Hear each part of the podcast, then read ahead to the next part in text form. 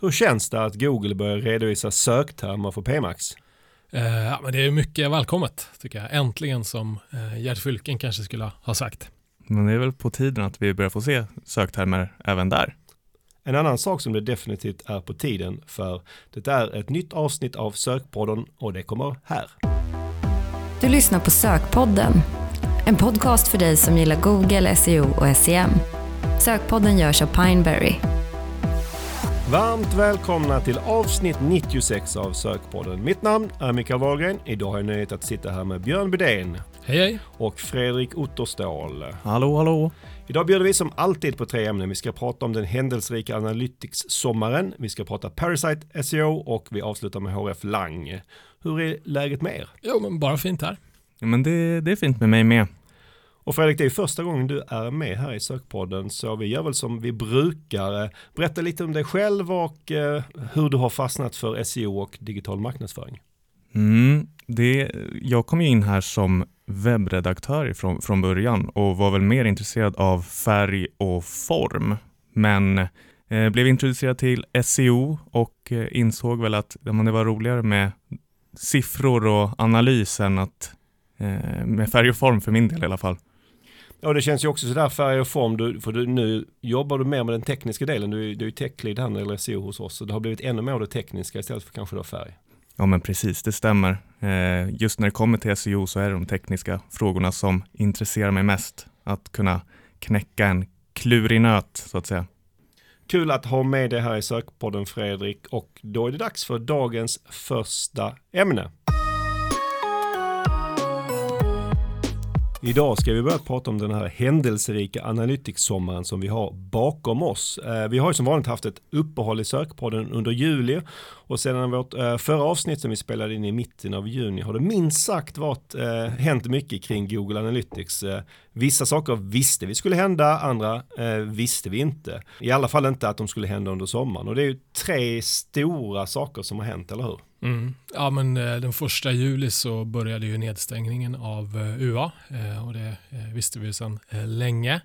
Sen kom en ja, men liten surprise måndagen därefter, den 3 juli, så släppte Integritetsskyddsmyndigheten, IMY, sin granskning av Analytics gentemot fyra svenska bolag. Och sen en vecka senare, den 10 juli, kom ja, men en av sakerna som vi anat skulle komma och det var nyheten att eh, USA och EU har kommit överens om ett nytt eh, dataöverföringsavtal. Ja, man kunde väl knappt regisserat sommarens händelser bättre än så.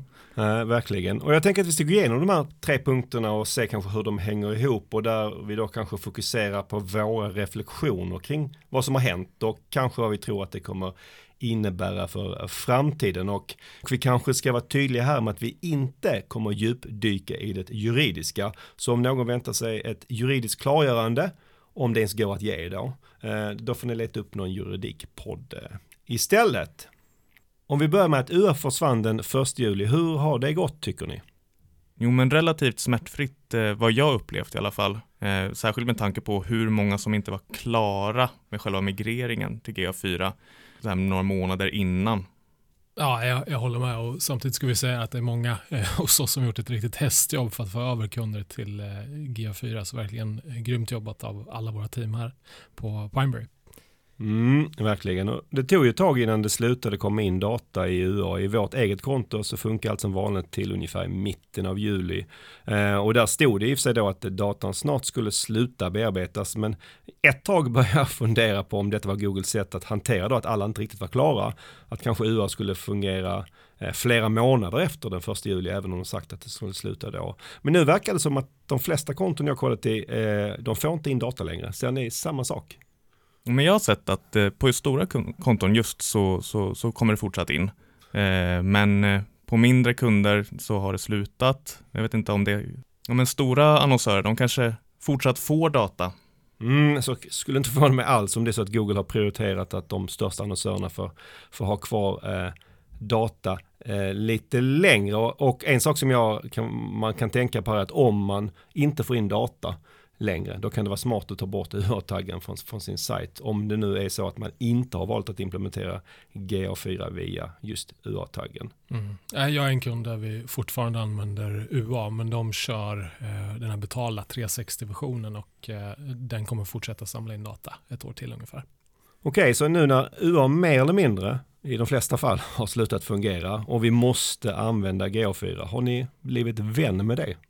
Ja, det har ju varit en omställningsprocess så jag kan väl säga att jag är inte lika vän med det än som jag var med eh, UA. Eh, och mycket av eh, ja, men, lite irritation kan man känna ibland tror jag grundar sig att GA4 kändes rätt så halvfärdigt när det lanserades. Men det blir ju bättre och bättre. Det kommer ju mer och mer funktionalitet. Jag skulle väl inte säga att jag är vän med GA4 ännu som jag var med UA. Eh, många gånger så blir det att jag använder Search Console istället om jag vill ta reda på, kolla på siffror och, och sökord och, och, hela den svängen. Men eh, någonting jag är glad över det är att GA4 har kvar det här världens bästa kortkommando DX och då kan man ju se den period man har valt eh, av data och jämföra mot föregående period samma år. Den förekommer flitigt Mm, och det här kanske låter lite tjatigt för min del, för jag kan vara att jag har sagt det här innan i sökpodden, men jag ogillar verkligen GH4. Och på något sätt så har hela den här processen med förflyttningen till GA4, kanske också alla juridiska eh, frågetecken kring allt, fått mig att använda Nytix mycket, mycket mindre än jag gjorde för 5-10 år sedan. Och när jag funderar på det så vet jag inte om det är en bra sak eller en dålig sak. För att jag är inte helt hundra på tiden jag spenderar Analytics innan var väl spenderad tid. Kanske, kanske inte. Jag vet inte riktigt. Det är ju rätt radikalt. Eh, vad, eh, hur har du ersatt Analytics då? Nej, men den tiden kanske, lite förenklat kan man säga att jag spenderar kanske mer tid i Google Ads när det gäller Google Ads än vad jag gjorde innan. För mm. innan kanske man, när man skulle analysera Google Ads så spenderar man en del tid i Analytics för att göra det. Det gör jag aldrig längre.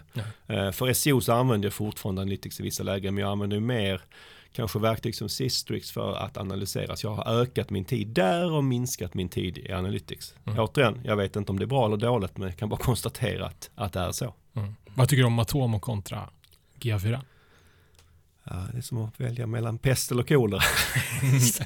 jag, jag gillar inte riktigt någon av dem. Jag tycker Matoma känns kanske lite för enkelt för min smak. Eh, G4 är ju liksom snarare tvärtom, att det är så ofattbart komplext och svårt att hitta. Liksom. Mm. Eh, så att, men det handlar ju om en vanesak. Jag tror säkerligen att båda G4 och Matoma är jättebra. Det är bara att jag kanske inte riktigt har kommit så långt att jag har blivit vän med det nu. Vi får se om jag blir det längre fram. Mm.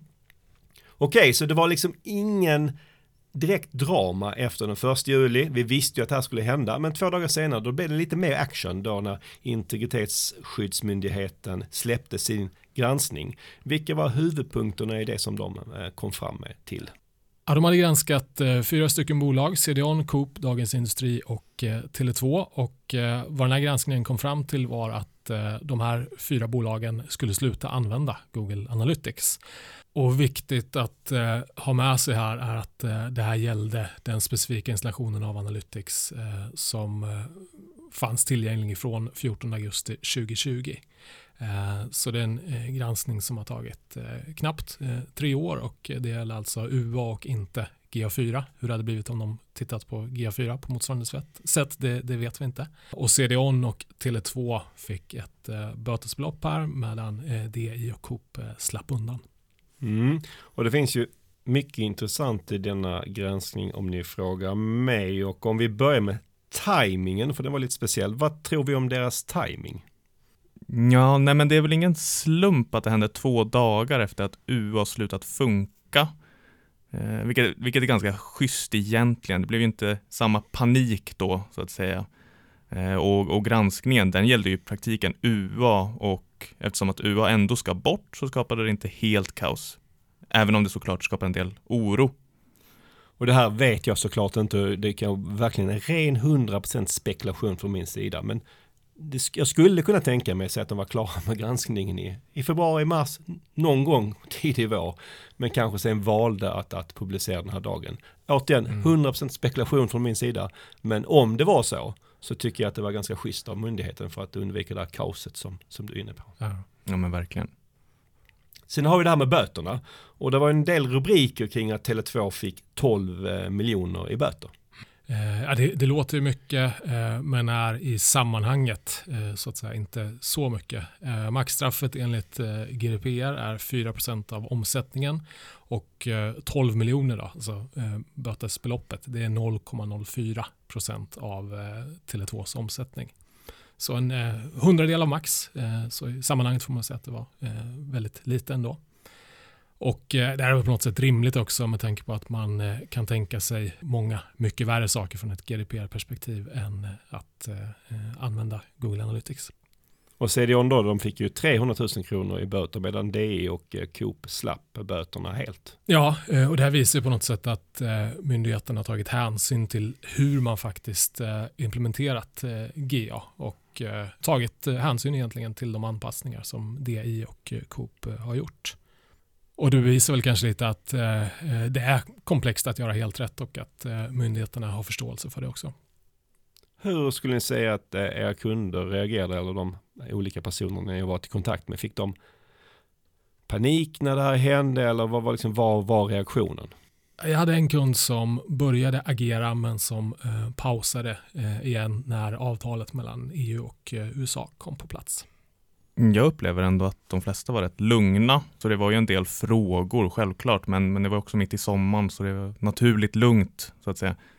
Mm, och man kan ju lite dra lärdom från eh, andra länder för det har ju kommit liknande beslut eh, bland annat i Italien och Danmark och där har jag hört eh, från de kontakter jag har där att de flesta företag har tagit det ganska lugnt att, och har valt att sitta hyfsat stilla i båten och så kändes det väl även här i, i somras.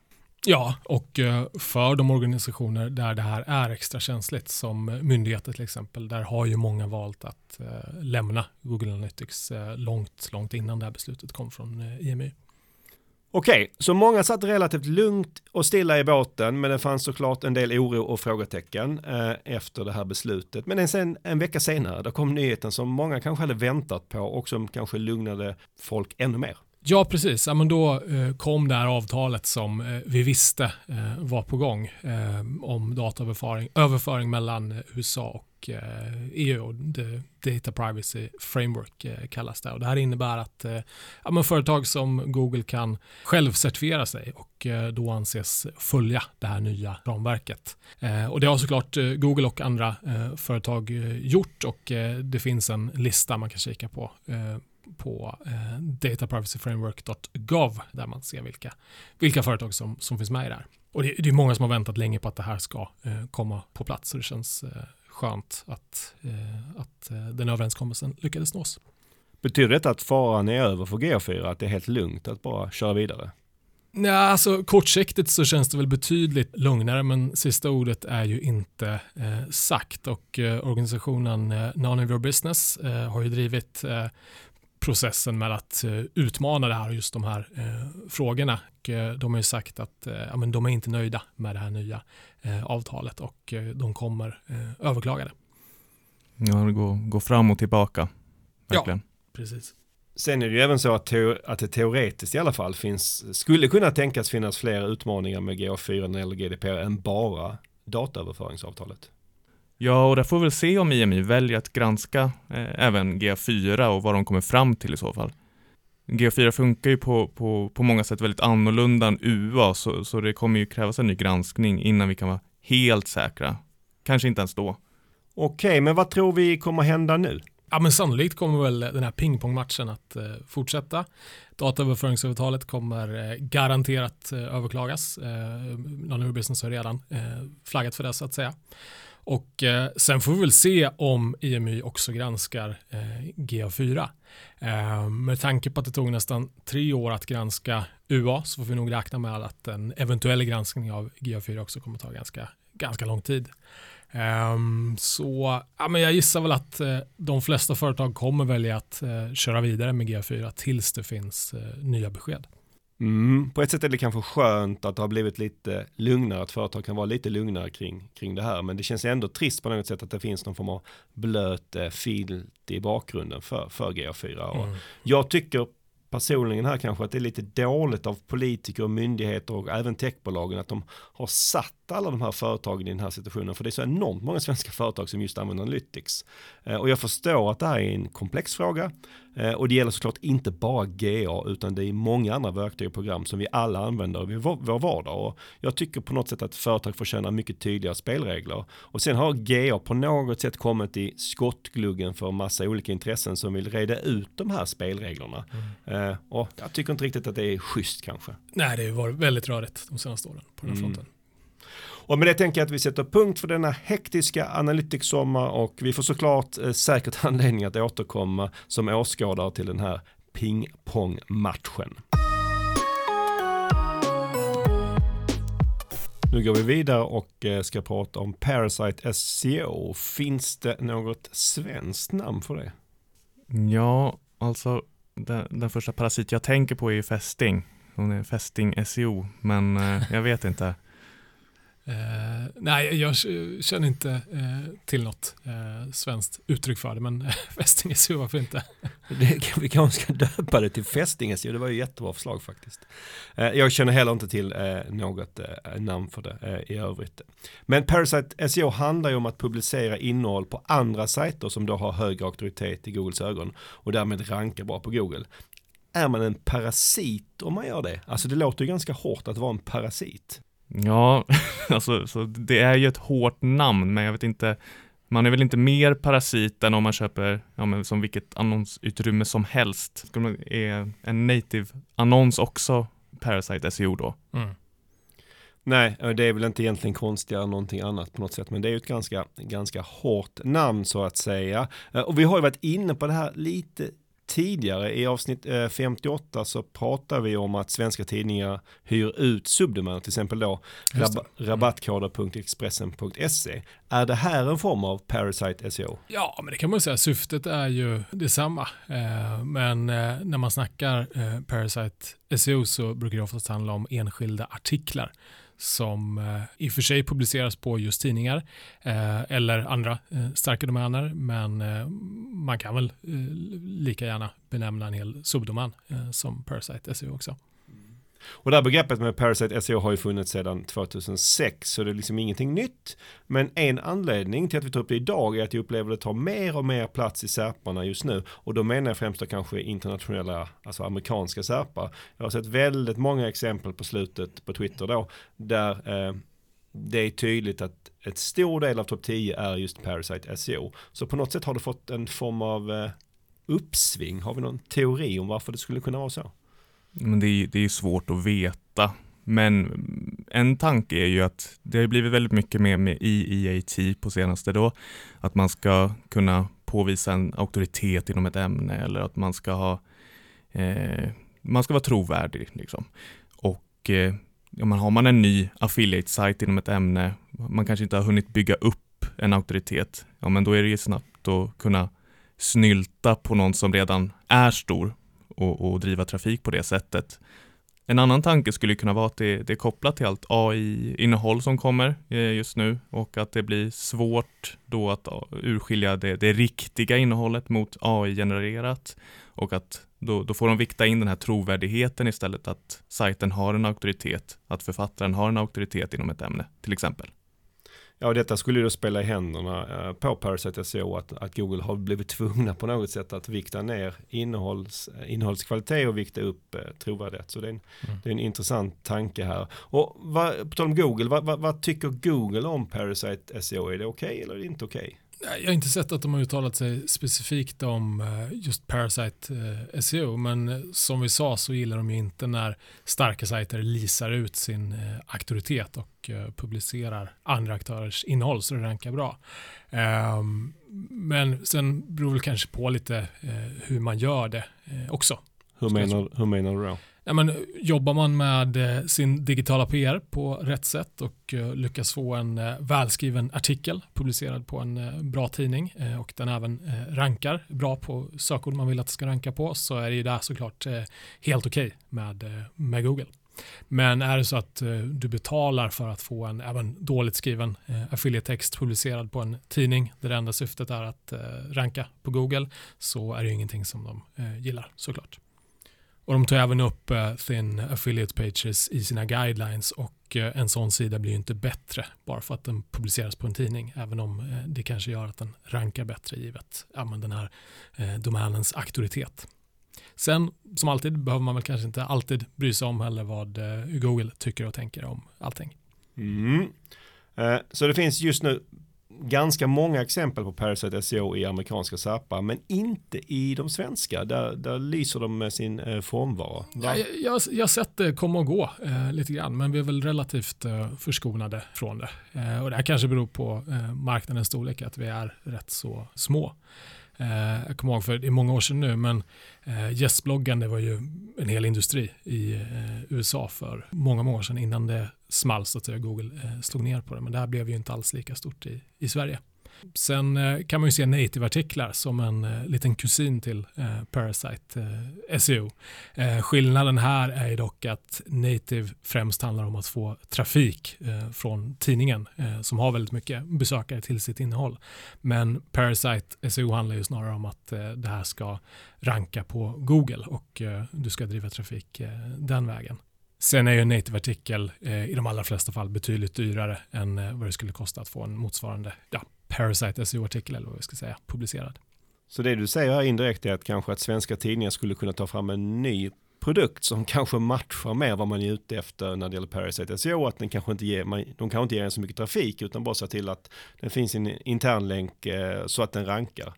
Ja, det kanske vore något. Eh, jag tror väl inte det här kommer ta fart i Sverige, men eh, vi får se. Mm. Och det finns ju som du var inne på några exempel, jag har sett ibland till exempel, det finns ju fortfarande möjlighet till exempel att publicera pressreleaser på Dagens Industri och mm. det är väl kanske inte ett, det vanliga sättet för Parasite SEO men man skulle ändå kunna tänka sig att man kan använda det på det sättet att man kan köpa sig in eh, och få någon form av, form av synlighet. Sen erbjuder ju inte eh, det, det av, det, av den anledningen idag men, men det liksom finns liksom varianter på det på något sätt. Och när man jobbar med Parasite SEO, är det så pass enkelt då att man skriver en bra artikel eh, och sen betalar man någon för att få den publicerad med, med högt förtroende? Är man klar där? Ja, alltså, det, det kan ju vara så, så enkelt, men eh, det, som med allt när det kommer till SEO så handlar det om konkurrens och det, det kommer komma faktorer som länkar till eh, artikeln, välskrivet, du har med alla sökord och hela den biten. Men eh, absolut, det, det kan funka med en enkel artikel. Men det du säger att det är ganska vanligt då att man kanske ändå bygger länkar till artikeln också? Ja, alltså en fördel om man säger för din egen del, om du skulle syssla med mm. Parasite SEO, det är ju att du behöver inte vara rädd för dig själv att straffas om du mm. bygger eh, länkar till artikeln. Mm. Så man kan vara ganska aggressiv i ett eventuellt länkbygge då? Ja men, ja, men det skulle jag säga. Mm.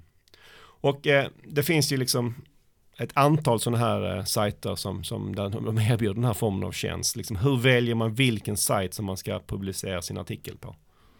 Mm, jag har sett några listor eh, som har sajter som man kan publicera på, så man får ju samla på sig så man har ett antal alternativ att gå på. Sen är det alltid en fördel om det är tidningar. Du, du har en stor bredd på dem. Eh, Aftonbladet till exempel skriver om allt från sport till nöje till aktuella brott. Så de kan nog klämma in en affiliate-artikel om något som är bäst i test också kanske. Ja, nästan vad som helst passar ja. in där. Men eh, ja, det, det viktigaste är väl att sajten i fråga på ett sätt kan publicera det du vill marknadsföra på, på ett relevant sätt. En fördel är ju ändå att göra lite research innan. Eh, vill du synas för ett specifikt sökord och tidningen i fråga redan syns på det här, ja men då, då blir det en fråga om intern konkurrens. Eh, och, och det är ju ett problem som alla sajter stöter på. Men Ja, här kan det ju både vara för och nackdel. Det är ju nackdelen såklart att det är någon annan som kanske redan rankar på det, men samtidigt kan det vara en positiv grej att de redan syns på sökningar inom det här området. Så att det är ju någonting man får liksom välja. Ja, men precis. Vad tycker vi om Parasite SEO? Är det liksom en, är det en bra strategi? Som med alla SEO-strategier så bottnar det ju i att man har en lönsamhet i det. Eh, och det, det, är inte gratis med Parasite SEO, även om det i många fall kan vara billigare än andra alternativ. Ja, de kostnader som tillkommer det är ju att man får betala för att få publicera något. Eh, och om det är en bra sajt du vill synas på så lär det kosta desto mer. vad, vad mer kan det kosta? Eh, länkar om man vill bygga det till, innehåll och skriva det. Det, det, det plussas ju på Men eh, å andra sidan så vi ser ju att det här är en stor marknad i USA och eh, ja, det verkar vara en lönsam strategi för många. Är Parasite SEO något som passar alla typer av företag och sajter? Eh, nej, det tycker inte jag. Det är en ganska kortsiktig eh, SEO-strategi med eh, en hel del eh, risker. Ehm, affiliates skulle väl kanske passa bra för. De är ofta vana med att eh, jobba relativt kortsiktigt och att eh, hantera risker. Sen även om du har väldigt stor budget, jobbar med native, ja, men då skulle jag försöka gå åt det här spåret i syfte att få ja, native-artiklar att ranka eh, till exempel. Absolut. Att få det bästa av två världar helt enkelt. Ja, ja men exakt. exakt. Mm. Vilka skulle du säga är de stora riskerna med Parasite SEO? Ja, men en del handlar ju om att eh, du har ju ingen kontroll över innehållet på den här sajten, den här tidningen eh, till exempel. Och eh, det kan ju vara så att någon annan kanske publicerar en ny artikel som tar över din ranking på eh, sökordet du vill ranka på. Och eh, ja, men som vi var inne på eh, Eh, här tidigare, det finns ju en stor risk för intern eh, konkurrens på, på den här sajten. Den här sajten kanske själv vill eh, ranka på samma sökord till exempel. Sen är ju tanken med artikeln att den rankar bra och eh, är du affiliate så eh, vill du ha affiliate-länkar eh, i, i den eh, artikeln så att säga. Men eh, det är inget som säger att tidningen inte eh, kan ta bort den här länken efter ett tag eller kanske hela eh, artikeln. Så här får man ju eh, tänka eh, och läsa igenom avtalen väldigt noga innan man köper en sån här publicering. Mm, jag tänker också på, det är väl inget som egentligen hindrar egentligen från ett kontrakt till exempel med, med en tidning då, att de, de, skulle ändra till en, en annan affiliate-länk. Det är ju väldigt enkelt åtgärdat från, från deras håll till någon som betalar bättre än vad du gjorde. Ja, eh, sannolikt kan det vara så och framförallt som att det här är liksom affiliate-sajter som, eller affiliate-företag som kanske inte har så mycket att det, det bråkar mot. Men samtidigt så, så kanske man förstör sitt rykte som tidning om man gör det. Men, ja. men det är ju en ja. risk såklart liksom att, att om, om eh, en artikel rankar alldeles för bra så, så finns det kanske andra intressenter som vill ja, åt verkligen, det. Verkligen. Sen den största risken kanske är att såklart att Google inte gillar det här och eh, gör förändringar i sin algoritm som eh, gör att du tappar ranking. Ni har sett flera sådana exempel faktiskt. Mm. mm. Det som är bra med Parasite SEO, om man ska säga så, då, det är det att du, du riskerar inte din egen sajt, att den straffas på det sättet. Du, du kan ju bara hitta en ny sajt och nästla dig fast vid. Mm, likt en parasit alltså. Ja, fästing. Mm. Mm. Och sen är det även så att för att det här ska lyckas så, handlar det om sajter som Google i grunden har ett stort eh, förtroende för. Så länge de eh, inte går bananas eh, med det här så, så tror jag inte Google kommer att sänka hela domänen så att säga. Mm. Lite avslutningsvis här, som vi varit inne på så finns det liksom, det finns ju inte så mycket Parasite SEO i Sverige, eh, men vi tänkte att eh, vi ska väl ställa upp här i alla fall en gång, så jag tänker ge en exklusiv möjlighet att få något publicerat på pineberry.com eh, som vi ändå får väl se som någon form av auktoritet i vår eh, lilla bransch. Och vi kommer ta in en artikel här då i, i, för att eh, då testa Parasite SEO eh, om någon vill göra det och det kommer inte kosta någonting. Eh, men det måste vara någonting som passar in på vår sajt. Så erbjuder du kanske lån, då kommer jag eh, inte eh, lägga in det. Och det är heller kanske inte aktuellt om du erbjuder något som direkt konkurrerar med oss, till exempel om du skulle vara någon annan SEO-byrå. Och eventuella länkar från den här artikeln kommer vara no follow, så gör inte det här för länkkraftens skull, för det här är ett sätt att testa Parasite SEO i Sverige i så fall. Spännande. Så vill du testa det här, alltså att testa Parasite SEO och eh, genom då att få någonting publicerat på pineberry.com så hör av dig till mig på sokpodden pineberry.com så ser vi om det passar in. Och med det är det slut för parasitsnacket idag och vi går vidare till dagens sista ämne. Idag avslutar vi och pratar om HF Lang. Eh, John Mueller har sagt att HF Lang kanske är den mest komplicerade saken inom SEO. Håller ni med om det? Ja, det borde inte vara det. Jag tycker det är ganska eh, straight forward. Med det sagt så håller jag med om att eh, de gånger man stöter på HF Lang så har sajterna oftast implementerat det fel. Ja, det, det, blir väldigt snabbt rörigt. Det finns ju flera sätt att göra fel på. Du, mm. du kan sätta 80% men sen så är det den där 20% som gör att det inte är helt felfritt så att säga.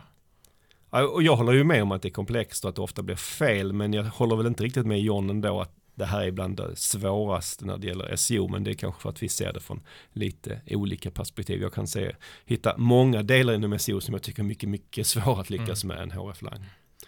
Och varför behöver man överhuvudtaget bry sig om HRF-lang? Jo, men om man, om man har sin sajt eh, eller sin verksamhet i flera olika länder så, så är HRF-lang ett sätt att berätta vilken del av sajten som är riktad till vilken marknad egentligen och vilket språk. Eh, och det är ju ett bra sätt att underlätta för Google eh, och berätta ja, men vad som är vad. Det är även ett sätt att hantera duplicerat innehåll. Säg att du har eh, två engelska marknader, i, en i England och en i USA. Eh, så kan du markera att den här delen av sajten är för den amerikanska marknaden, den här är för den eh, brittiska marknaden. Båda är på engelska men här särskiljer vi att ja, men det här är på brittisk engelska, det här är på amerikansk engelska och eh, minskar risken att Google ser det som duplicerat innehåll. Mm. Om man då bara riktar sig mot Sverige och sajten bara finns på svenska, kan man då helt strunta i HRF-lang? Ja, men det tycker jag. Alltså du, du kan ju rent teoretiskt använda det, men det fyller ingen större funktion så. Eh, jag har själv inte använt det på, för, för några svenska sajter som bara rikta sig till Sverige och på svenska. Och det blev som sagt ofta fel med HF-lang. I en färsk studie som Ahrefs släpptes visade sig att 67% av sajterna som då använder HF-lang har något fel i sin uppsättning. Är ni förvånade? Nej, det är jag inte. Inte ett dugg. Det, det, är så mycket som ska sitta för att eh, det ska lira som, som tänkt. Och det vanligaste felet i denna undersökning var att de saknade en X-default. Är det ett stort problem om man saknar en X-default? Stort och stort. Det finns ju större problem, men eh, ja, men det är såklart att det är bra att ange vilken variant som ska vara standard när man besöker sajten. Men eh, ja, det finns större problem att kika på. Vilka andra problem brukar ni själva stöta på när det gäller HF-lang? Men att man inte använder sig av rätt eh, ISO-standard för att ange språk och marknad. Eh, rätt eh, vanligt. Eller att man anger språk och marknad i fel ordning kanske. Sen kan det ju hända att man gör fel och bara har HRFlang på vissa delar av sajten men inte hela. Sen är det ganska vanligt att man pekar HRFlang till språkversioner av en URL som inte finns. Till exempel om man inte har exakt samma sidor på alla språk.